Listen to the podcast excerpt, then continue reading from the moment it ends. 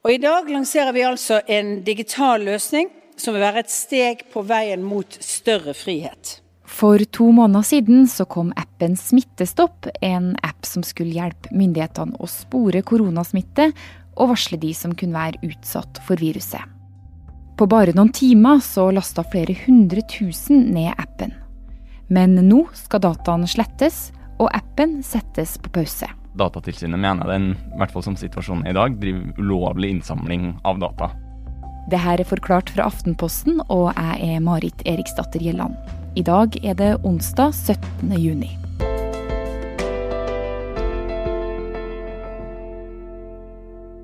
For få uker så fikk jo norske myndigheter over en million nordmenn til å installere en app som samler inn data som ethvert diktatur ville ha drømt om. Uten å vite om det egentlig er noe poeng. Så det her er jo egentlig en historie som savner sidestykke. Ståle Grut er journalist i NRK Beta og har jobba masse med appen Smittestopp. Altså, det er jo i løpet av mars egentlig at dette koronaalvoret begynner å melde seg i Norge. Eh, fra den første personen blir registrert smitta i februar, så begynner tilfellene å, å, vokse ganske raskt. Og kort tid etterpå så begynner jo myndighetene å iverksette ulike tiltak for helsevesenet, for skoler og for næringslivet. Og midt i mars måned, den 12., så varsler jo rett og slett statsminister Erna Solberg de mest inngripende tiltakene som vi har hatt i Norge i fredstid. Og Skolene stenges, og den norske økonomien påvirkes sterkt. Vi vet at vi har for lite smittevernsutstyr på sykehusene, og det er på en måte en ganske dramatisk situasjon som, som uh, ligger foran oss. Og det er et par dager etter alt det her skjer, at uh, NRK får vite at det jobbes med å utvikle en app. da. Og det er denne appen som blir Smittestopp. Det er en app som eh, kort fortalt skal, skal, spore nordmenn og finne ut eh, hvem som har kontakt med hverandre, sånn at det enklere skal kunne eh, avdekkes hvem det er som har vært i kontakt med noen som er smitta. Men hvordan appen havner i hendene til direktøren av Folkehelseinstituttet Camilla Stoltenberg, og i hendene til norske myndigheter, kan virke litt tilfeldig. Altså, man skulle kanskje tro at det er noen som tenker ut det her, at det her er en, en god idé. Folkehelseinstituttet legger den ut på anbud eller lager et større prosjekt eller noen sånne ting. Men i denne situasjonen så var det ingenting av det her som skjedde. Eh, grunnen til at vi har smittestopp i dag, er rett og slett fordi at det er en britisk professor som, som får ideen. Og han kontakter en, en, kjenning av seg som han har jobba med før i, eh, i um, Norges forskningsråd, som igjen kontakter Camilla Stoltenberg, og så får Camilla Stoltenberg en, en annen separat henvendelse fra et uh, norsk selskap som heter Simula, som de har jobba med. Så her går det på en måte litt sånn uh, hulter i bulter, og plutselig så ender man opp med, med den her uh, ganske inngripende appen Smittestopp. Da. Vi kan f.eks. se hva som skjer med risikoen for smitte når vi gradvis begynner å åpne samfunnet mer. Når flere tar bussen når flere går til frisøren, når man følger barn til skoler og barnehager. Fra 16. april så kan folk laste ned Smittestopp. På noen timer så blir den lasta ned av 400 000, og deretter 900 000 og 900 000. Totalt er appen lasta ned 1,6 millioner ganger, og litt under halvparten har tatt den i bruk, ifølge Folkehelseinstituttet. Men helt siden folk fikk nyss om appen, så har kritikken hagla. Den blir jo lansert eh, av eh, Folkehelseinstituttet, men det som skjer er jo at den egentlig ganske tidlig får mye oppmerksomhet. For det her er jo på en måte en, en kontroversiell uh, idé. Det å skulle samle inn såpass mye data om uh, hvordan uh, den norske befolkninga beveger seg. Så det blir jo skrevet mye om den i, i media, så den får jo veldig mye omtale der. Og så blir den eh, åpna opp for, for, testbruk. og det, Nå har den jo bare vært i bruk i, i tre kommuner. Uh, hvor egentlig hele formålet med appen er å først å teste ut da, om, det her, om det funker, om det er noe vits i å ha den appen her. Men den har jo fått, fått veldig mye oppmerksomhet, og det gjorde jo tidlig at folk ønska å være med i, i den dugnaden som det ble, ble omtalt som og veldig mange lasta ned den appen her, men ikke i nærheten av så mange som man egentlig hadde behov for. I hvert fall ifølge analysene så er det nærmere 60% som burde ha lasta ned den appen her for at vi skulle ha en slags digital kontroll på smittesporinga. Men fram til nå så har det vært rundt 10-15 eh, av befolkninga som har hatt appen installert. Da. Altså Appen får kritikk med en gang den blir lansert. Hvorfor eh, det? Det er to helt sentrale ting som kritikerne har pekt på fra starten. Det ene er jo at alle dataene som appen samler inn om hvor du befinner deg til enhver tid, det havner inn i én stor, sentral database. Det blir liksom ikke lagra på telefonen din først, f.eks., og så sendes inn hvis det er behov for det. Alt sluses direkte inn til én stor, sentral database. Og det kan jo være risikabelt, fordi dataen kan jo lekke, den kan havne på avveie på andre måter eller bli, bli angrepet. Folk som er interessert i å, å vite hvor, hvor nordmenn eh, befinner seg. Og det andre er at du ikke har mulighet til å velge hvordan dataene dine skal brukes. Du kan f.eks. ikke si jeg ønsker kun å bidra til smittesporing eh, i befolkninga, men ikke at dataene mine skal brukes til forskning, analyse eller til andre ting da, som, som FHI ønsker. Og alt det her har på en måte gjort at uttrykket skyttergravskrig har blitt brukt av flere for å beskrive debatten om appen, med FHI og Simula på den ene sida, eh, og nærmest et samla ekspertmiljø på den andre. Hvordan svarer FHI på det her, da? Nei, FHI svarer at uh, det her er tiltak som må til for at de skal kunne analysere data med en gang og forstå hvordan smitten brer seg i befolkninga raskt. da. Fører all denne kritikken til noe, da? Altså, Fram til nå så har ikke kritikken leda fram. Vi har ikke sett noen store endringer i, i, hvordan appen fungerer. Men denne uka her så skjer det noen ting, for da får vi vite at uh, Datatilsynet de mener at appen her er ulovlig. Og det fører til at Folkehelseinstituttet stopper all innsamling av data og legger smittestopp på pause. Vi er straks tilbake.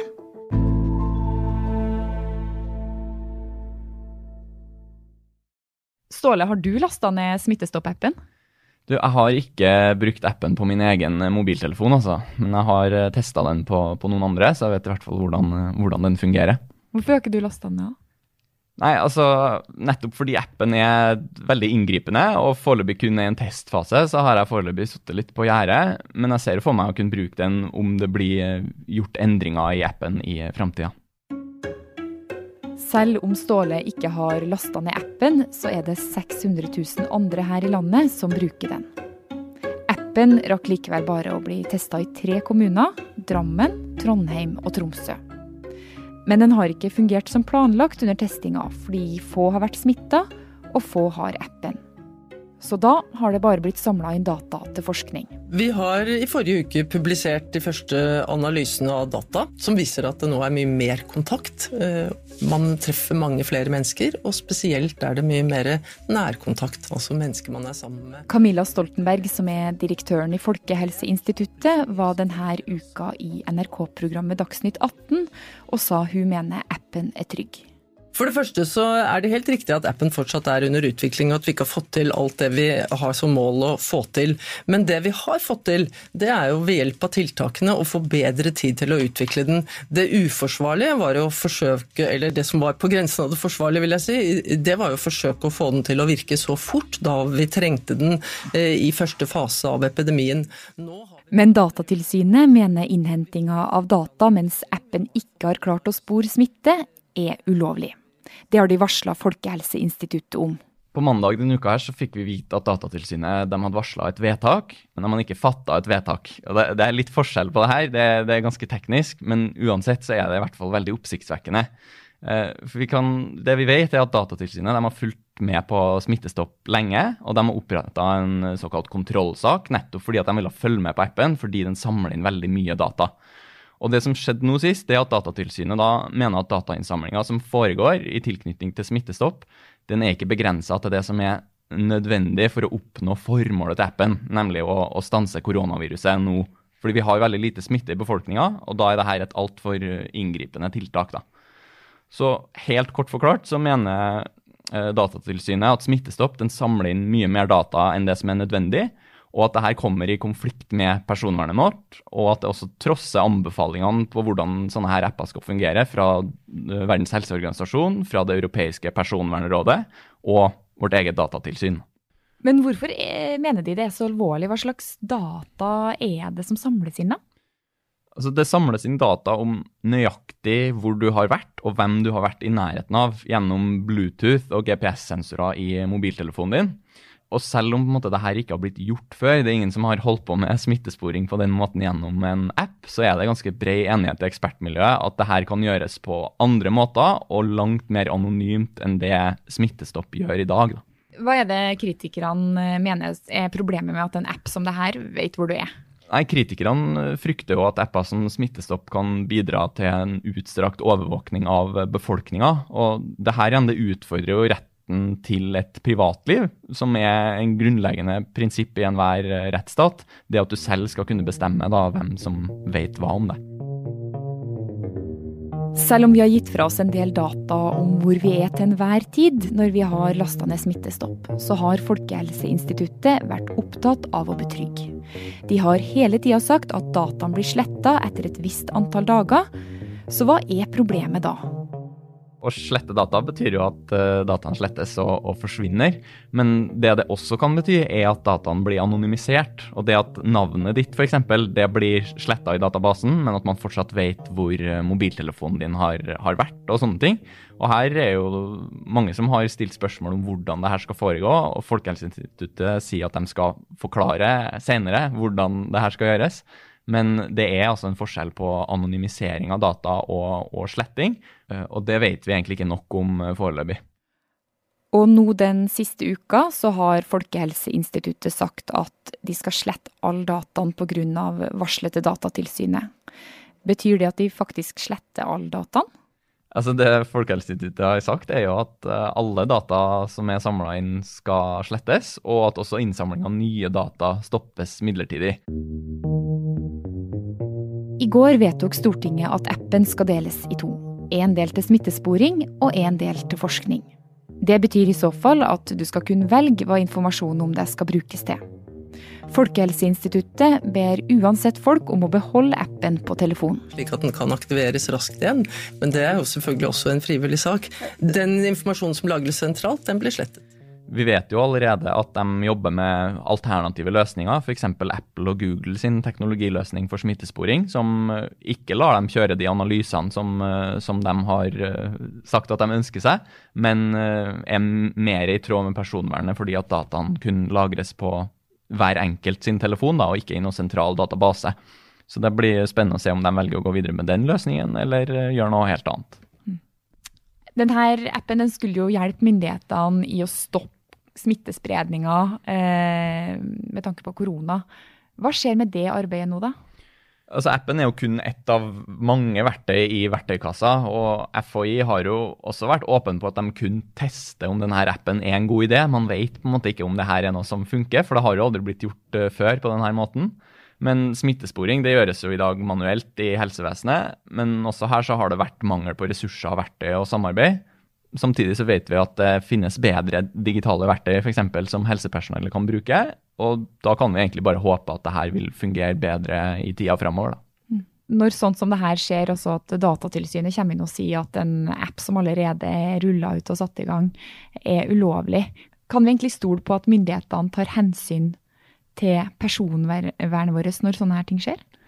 Jeg så en diskusjon om Smittestopp-appen og, og, smittesporing og sånn denne uka, og da sa lederen av Advokatforeninga, Jon Veslås, at uh, Norge i situasjonen tatt i betraktning har landa ganske bra, men at vi så hvor lett alle de her 17. mai-talene uh, som det blir snakka om i Norge, de røyk ut, og at selv i Norge så fikk vi plutselig det da Datatilsynet kaller den mest inngripende løsninga for smittesporing og analyse i Europa og Amnesty de kalte rett og slett verdens dårligste løsning på personvernsida. Uh, og denne uka sa jo også direktøren i FHI, Camilla Stoltenberg, at det var på grensa til uforsvarlig å lansere Smittestopp-appen så, så, fort som de gjorde. da. Og Som ikke det var nok, så har også Stortinget parallelt med det her gitt Etterretningstjenesten lov til å overvåke all internettrafikken som krysser Norges grenser. Og Det er jo bare nok et eksempel på at myndighetene åpenbart har et stort ønske om å samle inn store mengder data om befolkninga. Og selv om Smittestopp kun var en testfase, og at denne Etterretningstjenestens datainnsamling skal vurderes eh, på nytt om fire år, så vet vi ikke om noen av de tingene her egentlig har noe veldig god effekt, selv om det åpenbart går helt på tvers av ideen om personvern. Eh, så myndighetene de har derfor ganske mye de er nødt til å bevise om vi skal kunne stole på at de passer på personvernet vårt også i fremtida.